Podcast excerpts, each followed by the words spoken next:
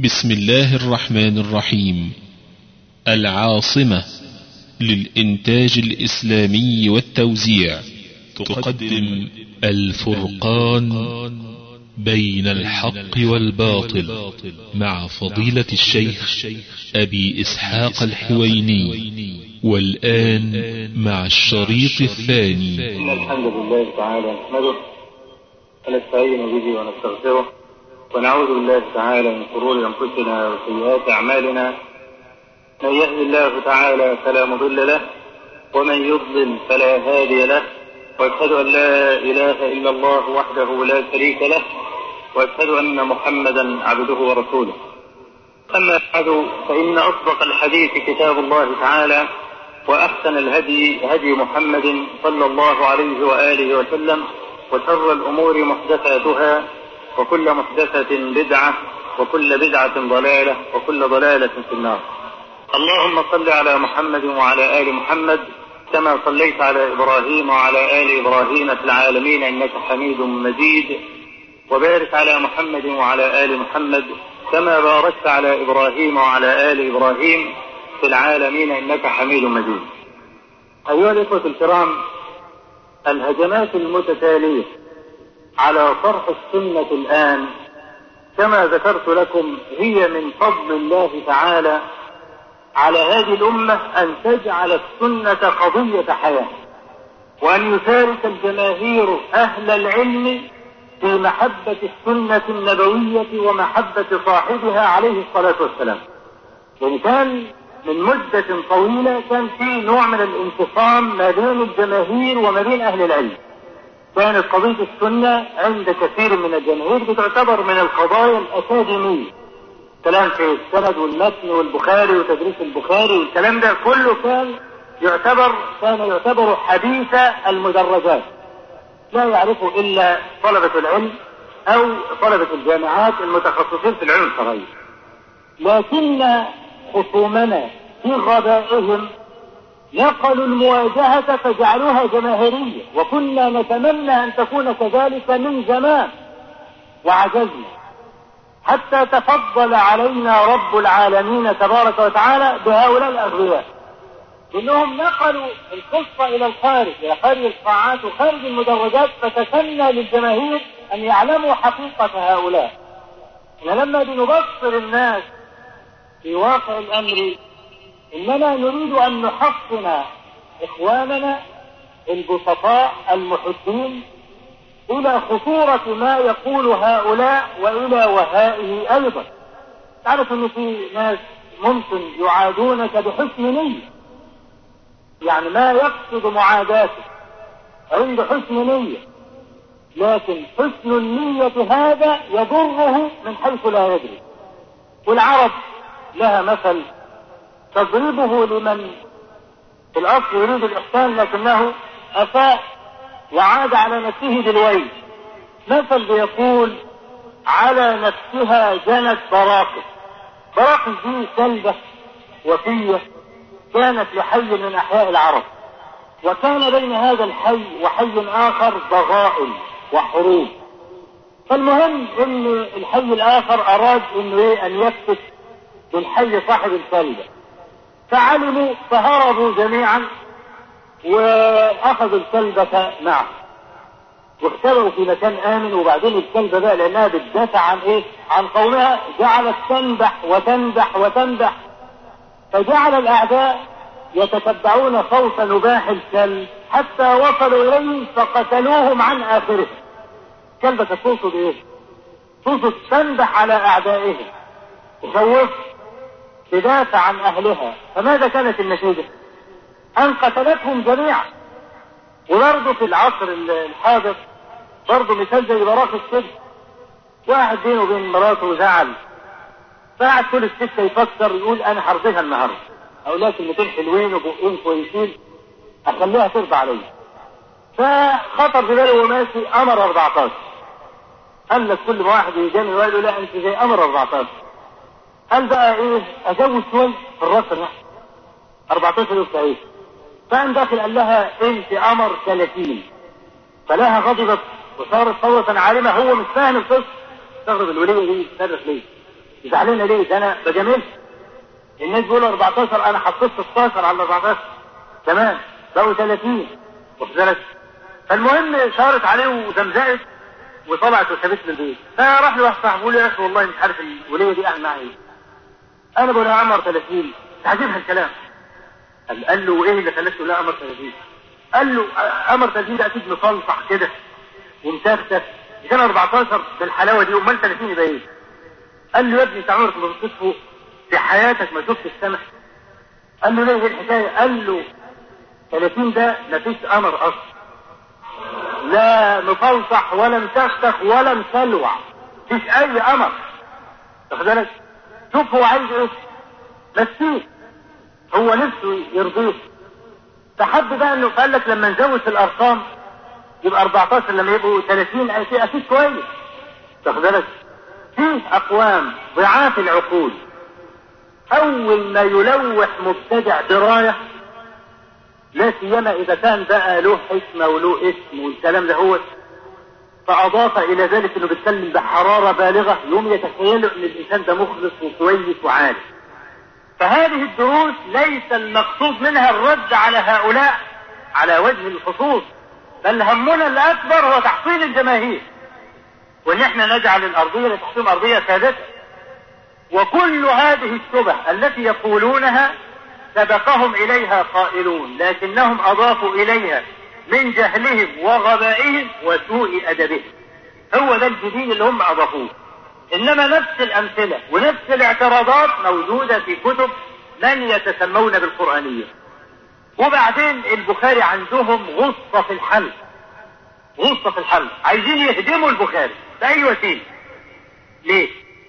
لأن البخاري له كتاب البخاري له قداسة في نفوس المسلمين. ودرج عندنا في مصر هنا لما واحد يغلط في حاجة ويراجعوه يا أخي أنا غلطت في البخاري. كلمة غلطت في البخاري يعني كأنه قرآن يعني. كأنه قرآن. غلطت في البخاري. بل في أيام الحملة الفرنسية سطر الجبرتي أيام الحملة الفرنسية. إن جماعة من علماء الأزهر لما علموا إن الفرنسيس جايين اعتصموا في الجامع الأزهر وقعدوا يقرأوا فيها البخاري بإيه؟ بهدف دفع العدوان. وإن كنا طبعا يعني لسنا معهم في هذا لابد من اتخاذ الأسباب الشرعية ولا مانع إن بقى نأتي بالأشياء دي بعد كده لكن قصدي أوريك مكانة البخاري عند الناس علماء وعامة هي. البخاري يا اخوانا أخذ المسألة دي إزاي؟ قبل ما أتكلم عن البخاري لأن القسم اللي كاتب محاكمة البخاري قايل من ضمن الكلام أنا بقى عايز أعرفكم مين البخاري ده أصل ما تعرفوهوش قال أبو العريس مين البخاري؟ قال لك ده راجل أعجمي. ها؟ ادي أول أو أول عيب فيه. فكرني بالجامعة الفراميه سنة 80. الجامعة الفراميه دول يقولوا لك البخاري شيوعي. ليه يا جماعة شيوعي؟ يقول لك أصله من بخارى وبخارى دي تبع اتحاد السوفيتي. يبقى البخاري شيوعي. يبقى لازم نحرق كتاب البخاري. وكانوا فعلا بيحرقوا كتاب البخاري في عيد تأسيس الجماعة. واخد بالك؟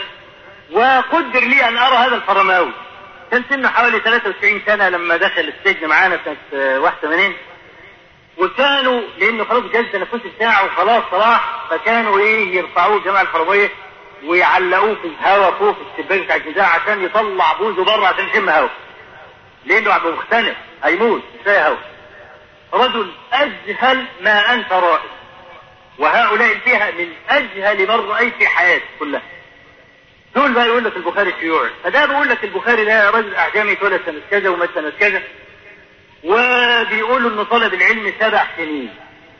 وحافظ 8 مليون ومش عارف كام حديث. فقام جاب الآلة الحاسبة وحاسب سبع سنين على 8 مليون وشوية. طلع إن البخاري نصيب كل حديث من وقت البخاري 24 ثانية قال لك لما يكون نصيب كل حديث 24 ثانية يبقى البخاري هيلحق يقرأ ولا يفكر ولا يتدبر ولا يكتب ولا يعمل إيه؟ فدول لي أنا عايز أعرفكم بقى مين البخاري بالظبط كده عشان تعرفوا العالم اللي بيقول لك البخاري البخاري البخاري. قبل أن أعرفكم يا اخوانا من هو البخاري رحمه الله عايز أضع قاعدة لا نختلف جميعا فيها القاعدة بتقول إنك قد تستطيع أن تخدع كل الناس بعض الوقت أو بعض الناس كل الوقت لكن لا تستطيع أن تخدع كل الناس كل الوقت. خلاص؟ كلام واضح أهو. إنك لا تستطيع أن تخدع كل الناس بعض الوقت أو بعض الناس كل الوقت. خلاص؟ ما تقدرش. لكن تستطيع أن تخضع بعض الناس بعض الوقت. بس طيب. العالم لما بيصل إلى مرتبة في نفوس الجماهير بيصل كده ضربة لازم ولا بعد سنوات امتحنه العامة فوجدوه رجلا يطلبوه في أي ساعة من ساعات الليل أو النهار يلاقوه؟ ما من مشكلة إلا هو فيه. فرح يشارككم فيه حزن يشارككم فيه. إذا كان صاحب ذات يد يعطيهم ما كانش عنده يواسيهم. 30 40 سنة شغال بالنظام ده. الناس كلها تصل إلى قناعة بعد الاختبار والتجربة والممارسة إن الراجل ده ممتاز. لو إن بعد 30 40 سنة طلع عليه شائعة إنه تعامل مع جهات أجنبية إنه خاين لدينه كل الناس هتقول إيه؟ هتقول ابدا. أكيد دي سوريا ها؟ زي في عالم الصناعات اليوم البضاعة الياباني. كل واحد بيلاقي صنع في اليابان يخش وهو مطمئن 100% فمرة مثلا يشتري جهاز يحطه في الكهرباء يتحرق أو يشتغل يومين ثلاثة ويتحرق. أنت عارف بيقول إيه؟ وتشوف ولاد الذين اللي زوروا كتبوا عليه صنع في اليابان واليابان ما عملتوش. ها؟ ما يتهمش اليابانيين أصلا. ما يتهمش ليه؟ لأن الوف الأجهزة ثبت أنها في غاية الجودة وبتعمل بكفاءة عالية أطول مدة. والناس بقى تأكدوا من الحقيقة دي وصارت 100% إنما يتهم يقول لك آه النهارده أنت عارف كل حاجة تبقى مسروق يعمل الحاجة في الصين ويقول لك عايز نكتب عليها صنع في إيه. واخد بالك؟ وبرضه في بعض الناس بيسأل يقول لك مثلا إحنا في الملابس. فهل سرقه المقاسات حلال؟ يعني مثلا يكتب لك بقى إكس لارج واكس إكس و3 إكس وميديوم والسمول والكلام ده. طب الناس عايزة لارج بس. خلاص؟ أو عايزة سمول لزوم سد البطون والأحزمة والحالة الاقتصادية والكلام ده. فما فيش حد بيشتري لا large ولا بتاع لكن عايزين سمول يقوموا ينزعوا كل الإيه؟ ال ticket اللي حاطينه large ويحط لك مكانه إيه؟ واخد بالك؟ دي اسمها سرقه المقاسات؟ تبص تلاقي مثلا الوردة المائية والبجعة والأصيل والبتاع ده كلها large واحدة يلبسها فيل والثانية يلبسها غزال. طب إزاي وهي كلها large مثلا المقاسات مسروق لزوم الشغل واخد بالك؟ ففي أي مكان في العالم أنت ممكن تعمل أي جهاز يقول لك عايز سباسب نكتب made in إيطاليا مثلا؟ نكتب made in إيطاليا؟ مفيش مشكلة واخد بالك؟ فالناس كلها تقول العالم شوف مصورين زي يقول لك صنع في اليابان قال وهم سارقينها. لكن ما يتهموش مين؟ اليابانيين. ليه؟ ثبتت جدارتهم في المسألة. كذلك يا اخوانا دي أصل متسف.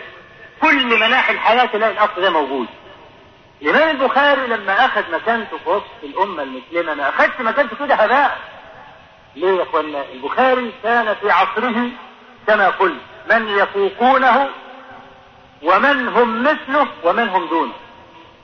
وقد أجمع الكل كل العلماء على جلالة البخاري بما فيهم شيوخه. محمد بن بشار الملقب ببندار أحد شيوخ البخاري. لما كان يذكر البخاري كان يفتخر ويقول خرج البخاري من تحت عباءته يعني عايز يقول أنا راجل ممتاز أنا راجل كويس أنا ما فيش زيي بدليل إن البخاري أهو ده تلميذي وده واحد من تلامذته وأهل العلم يستدلوا على نبوغ التلميذ بعظمة الشيخ والأستاذ. الدرر الكاملة في أعيان المئة الثامنة لحافظ ابن حجر العسقلاني في ترجمة ابن تيمية. يقول ولو لم يكن لابن تيمية رحمه الله ممن قبل إلا تلميذه النجيب ابن القيم الذي اتفق عليه الموافق والمخالف لكان دالا على عظمة هذا الرجل. ده, ده ابن القيم ده أثر من أثار ابن تيمية. أمال ابن تيمية يطلع إيه؟ يطلع إيه لما ده أثر من أثاره بالحلاوة دي كلها؟ واتفق عليه الموافق والمخالف. فمحمد بن بشار بيقول خرج البخاري من تحت عباس تلميذه فالإمام البخاري رحمه الله كان باقعة في الحفظ مع ما نحسبه من الإخلاص الذي يدل عليه انتشار كتابه عبر القرون حتى الآن وإجماع أهل العلم عليه. سيوطي رحمه الله لما ذكر تدوين السنة وذكر الكتب ومراتب الكتب وذكر الصحيحين قال رحمه الله أول جامع الحديث والآثر ابن شهاب آمرا له عمر. ابن شهاب الزهري وعمر بن عبد العزيز.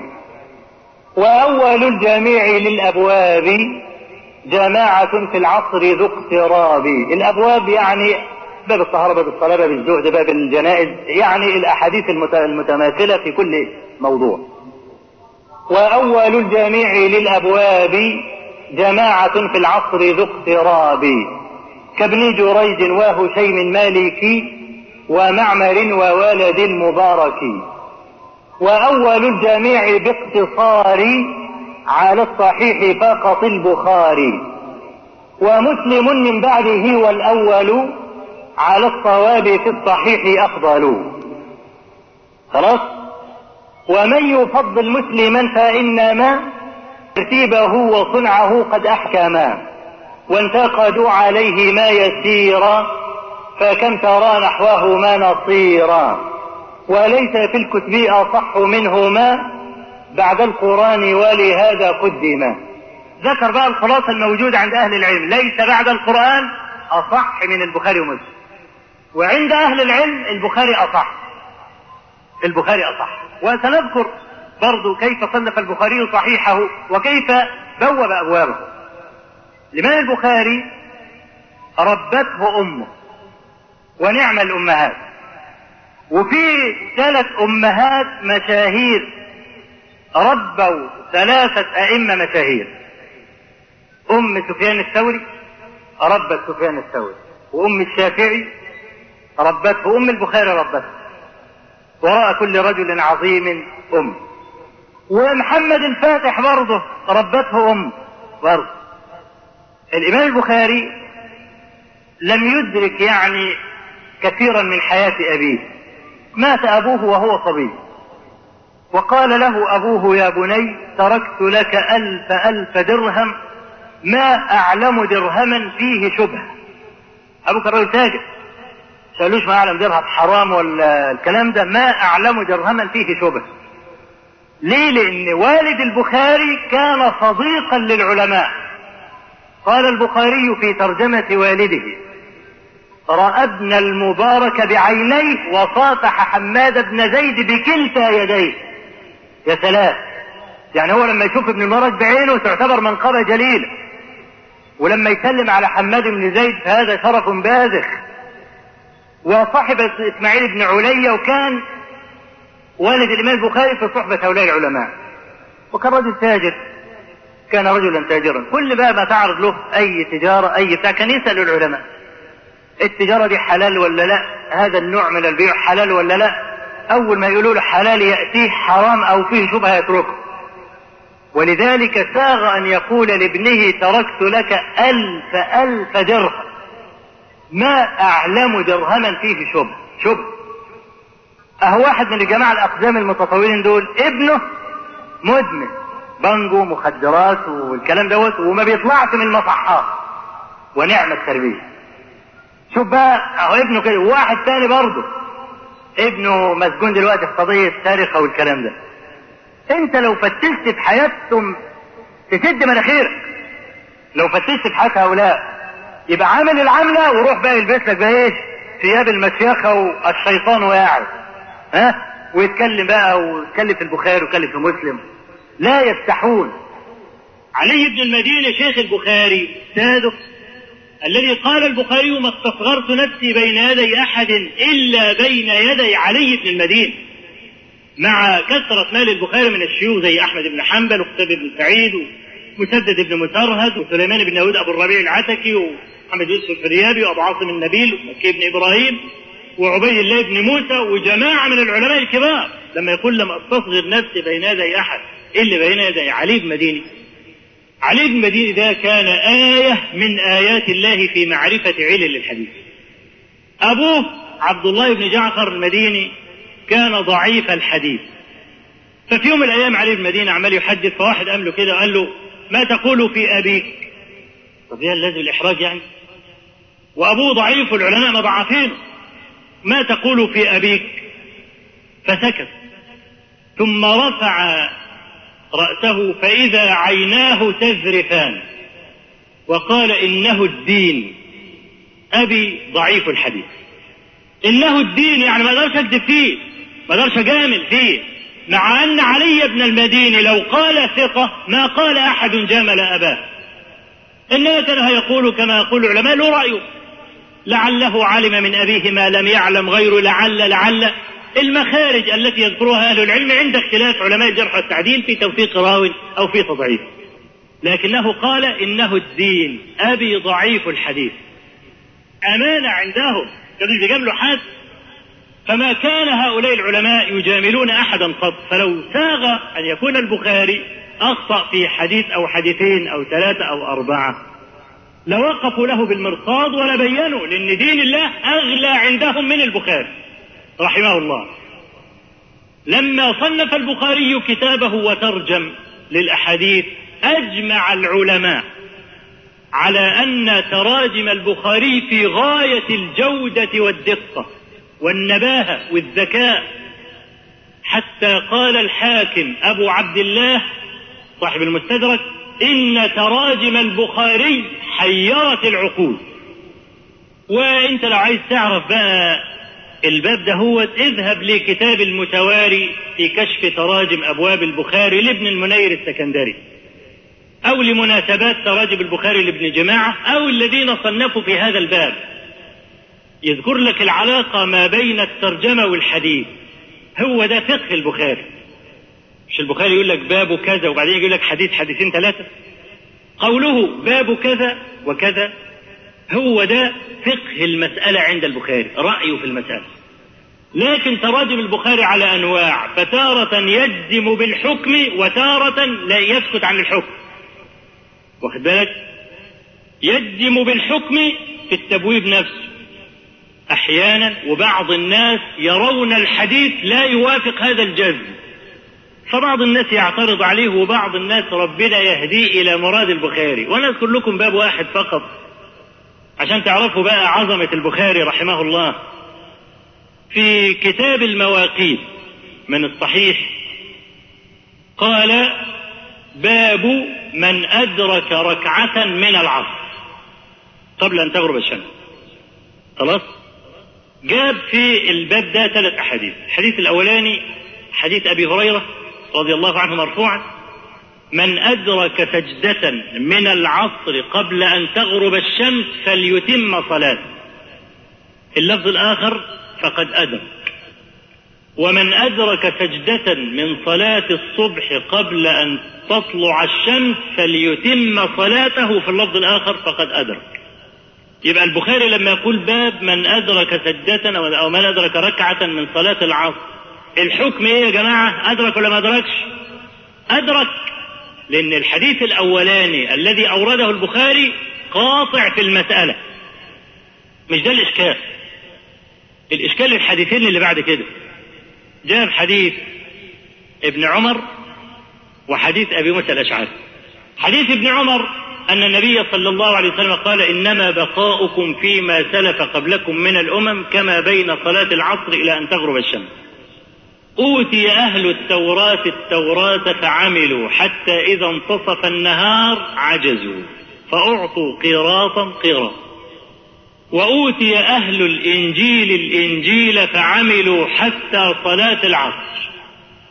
ثم عجزوا فأعطوا قيراطا قيراط ثم أوتينا القرآن فعملنا فأوتينا أجر الفريقين جميعا فأعطينا قيراطين قيراطين فقال أهل الكتابين يا ربنا نحن كنا أكثر عملا منهم وهم أكثر أجرا منا. فقال الله عز وجل هل ظلمتكم من أجوركم من شيء؟ قالوا لا. قال فذلك فضلي أوتيه من أشاء. حديث أبي موسى الأشعري قريب يعني السياق ولكنه مختصر أن النبي صلى الله عليه وسلم قال مثلنا ومثل اليهود والنصارى كمثل رجل استأجر أجراء على مدة معلومة بأجر معلوم فاليهود عملوا إلى نصف النهار ثم قالوا لا حاجة لنا في أجرك والنصارى إلى صلاة العصر لا حاجة لنا في أجرك. ثم أوتينا القرآن فاستوفينا أجر الفريقين جميعا. طب إيه علاقة الكلام ده بمن أدرك سجدة من صلاة العصر؟ في الصورة الظاهرة ما فيش علاقة. والبخاري رحمه الله قصد معنى آخر. قصد معنى آخر. أنت لما تصلي ركعة من صلاة العصر قبل أن تغرب الشمس يعني سجدت سجدة وبعدين قلت الله أكبر المغرب ادى. يبقى دخل وقت المغرب وراح وقت العصر ولا لا؟ طيب فاضل لك كم ركعة من العصر؟ ثلاث يبقى الثلاث ركعات اللي جايين دول هتصليهم في وقت المغرب ولا لا؟ ها؟ هتصليهم في وقت المغرب ولم توقعهم في وقت أداء الصلاة. في سؤال فقهي هنا. هيبقى الثلاثة الباقيين قضاء ولا أداء؟ وده خلاف بقى البخاري جاب الحديث الأولاني عشان يقضي على الخلاف في المسألة دي. قال لك طالما قال النبي صلى الله عليه وسلم فليتم صلاته يبقى أداء مش قضاء. القضاء إن الوقت يروح وتصلي الصلاة في غير وقتها يبقى اسمه قضاء في اصطلاح الفقهاء. واخد بالك؟ أما تصلي الصلاة في وقتها ده اسمه إيه؟ اسمه أداء.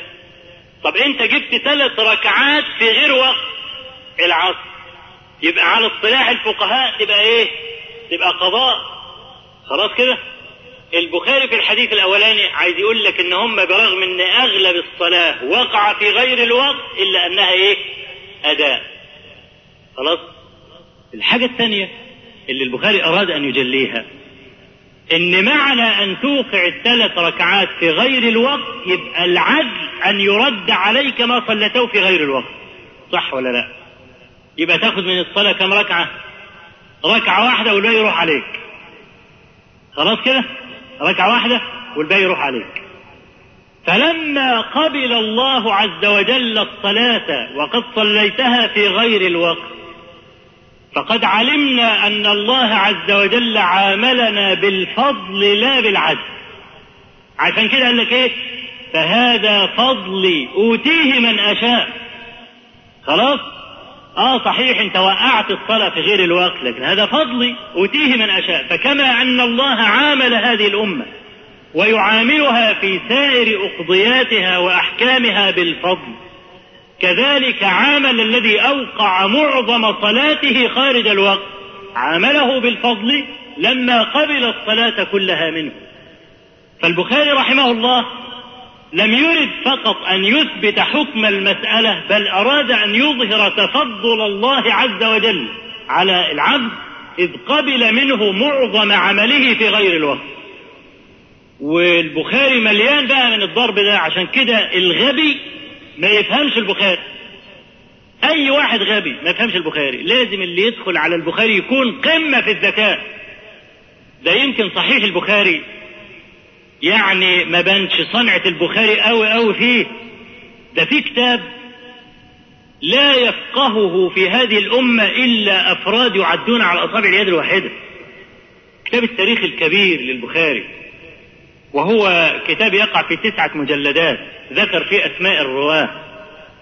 البخاري وضع في هذا الكتاب خلاصة عمره وتجربته وفهمه في علم الحديث.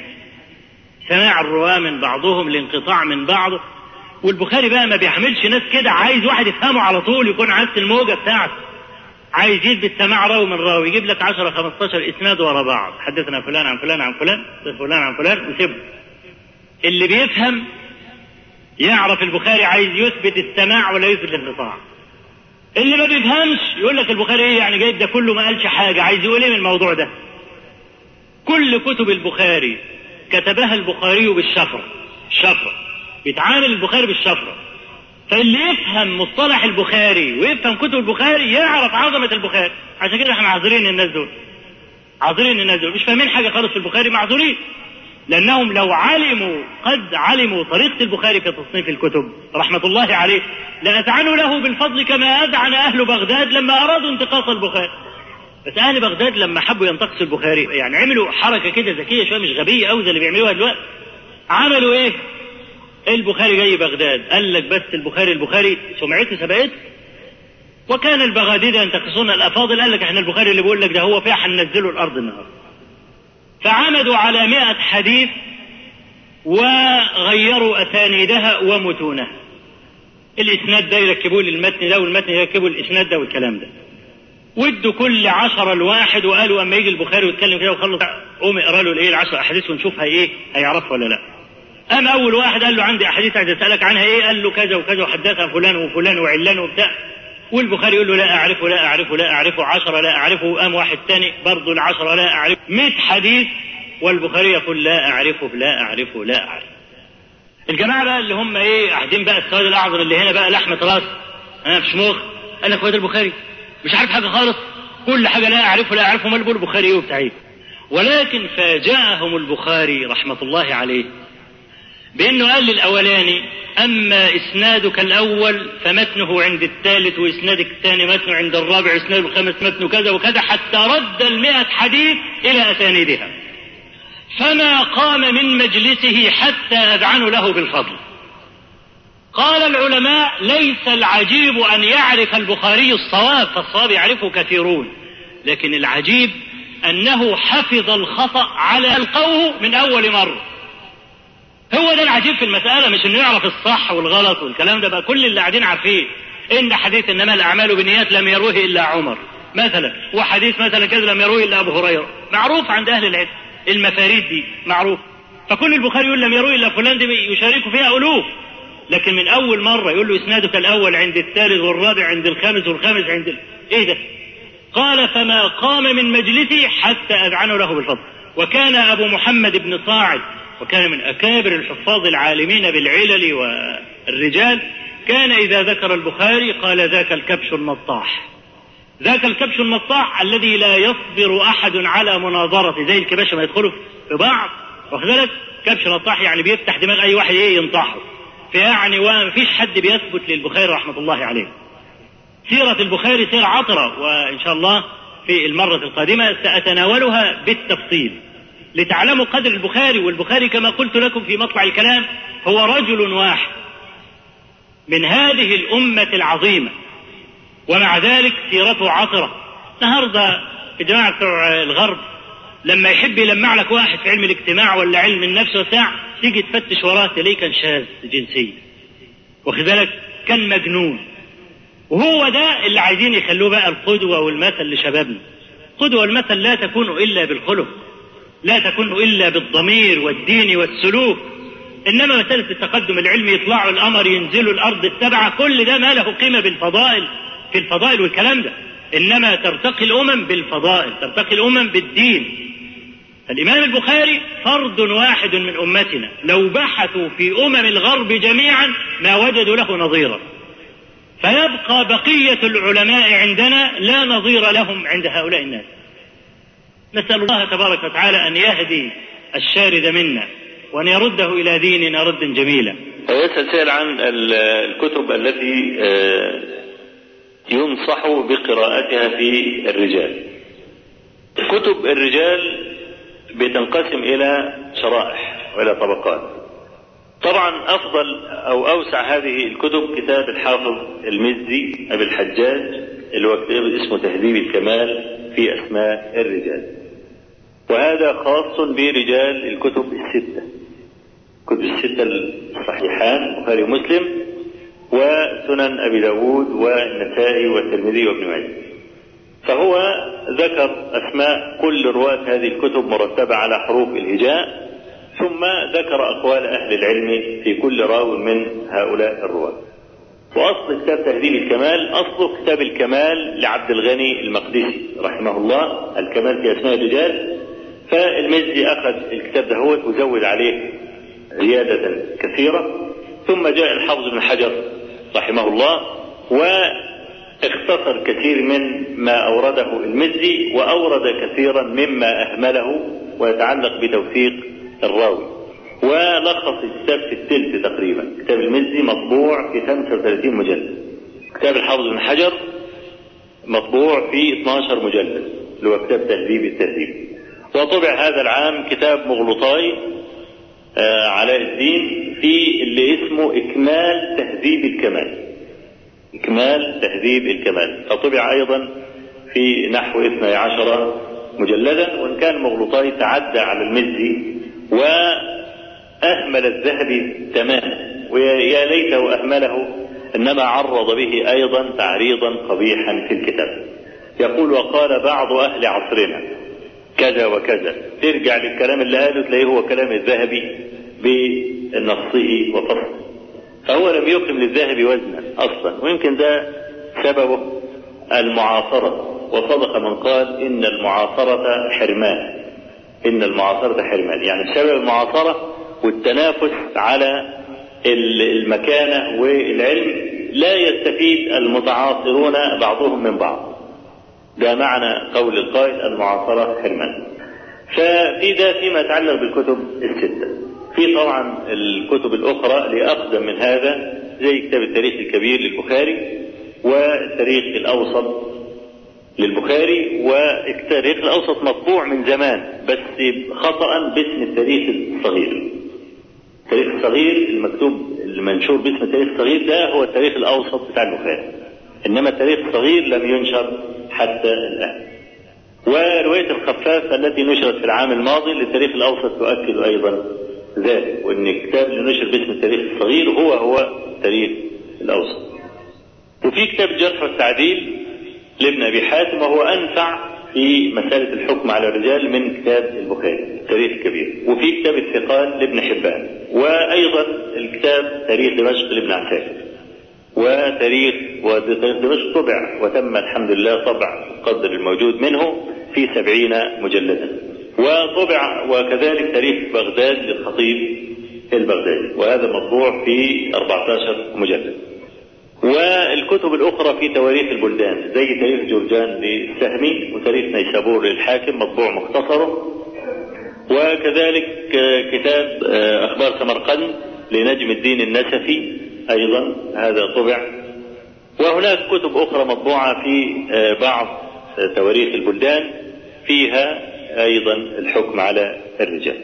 بالإضافة لكتب العلل كتب العلل بتاعت أحمد بن حنبل ويحيى بن معين وأبي داود السجستاني وكتب السؤالات للدار القطني والحاكم وهؤلاء دي أيضا كلها فيها كلام عن الرجال بالتوثيق والتجريح.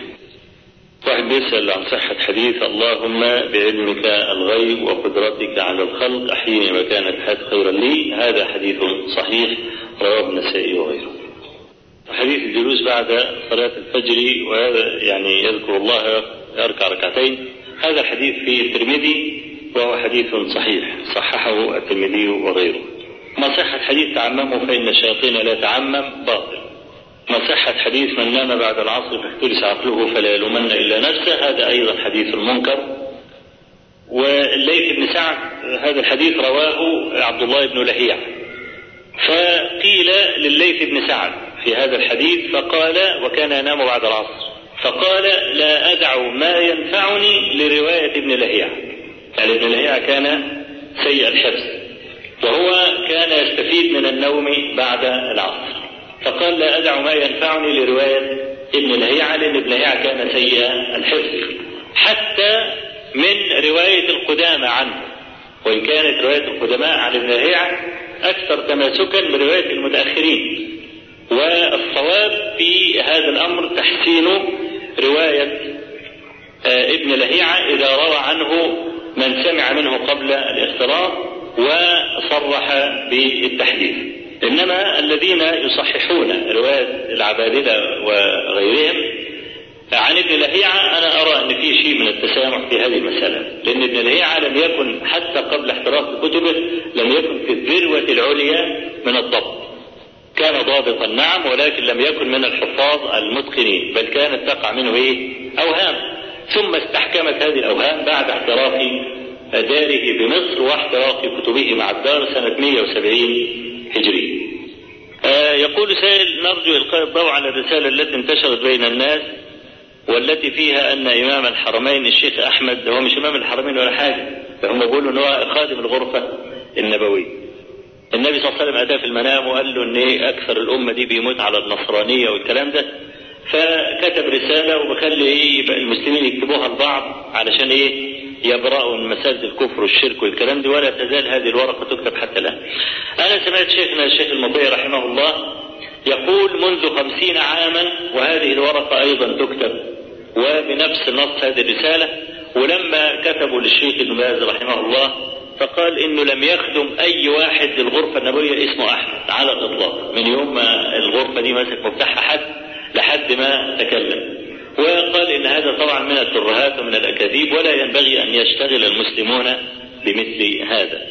وطبعا الورقة أنا قرأتها من سنوات طويلة فيها إن في واحد ما سمعش الكلام حصلت له مصيبة وواحد ثاني سمع كلام فربنا كرمه بصفقة يعني كويسة وبتاع فالعالم إيه؟ بدأوا يكتبوها لبعض وهكذا يشغل أعداء المسلمين المسلمين بمثل هذه الأمور التي تستنزف أموالهم وأوقاتهم وجهودهم.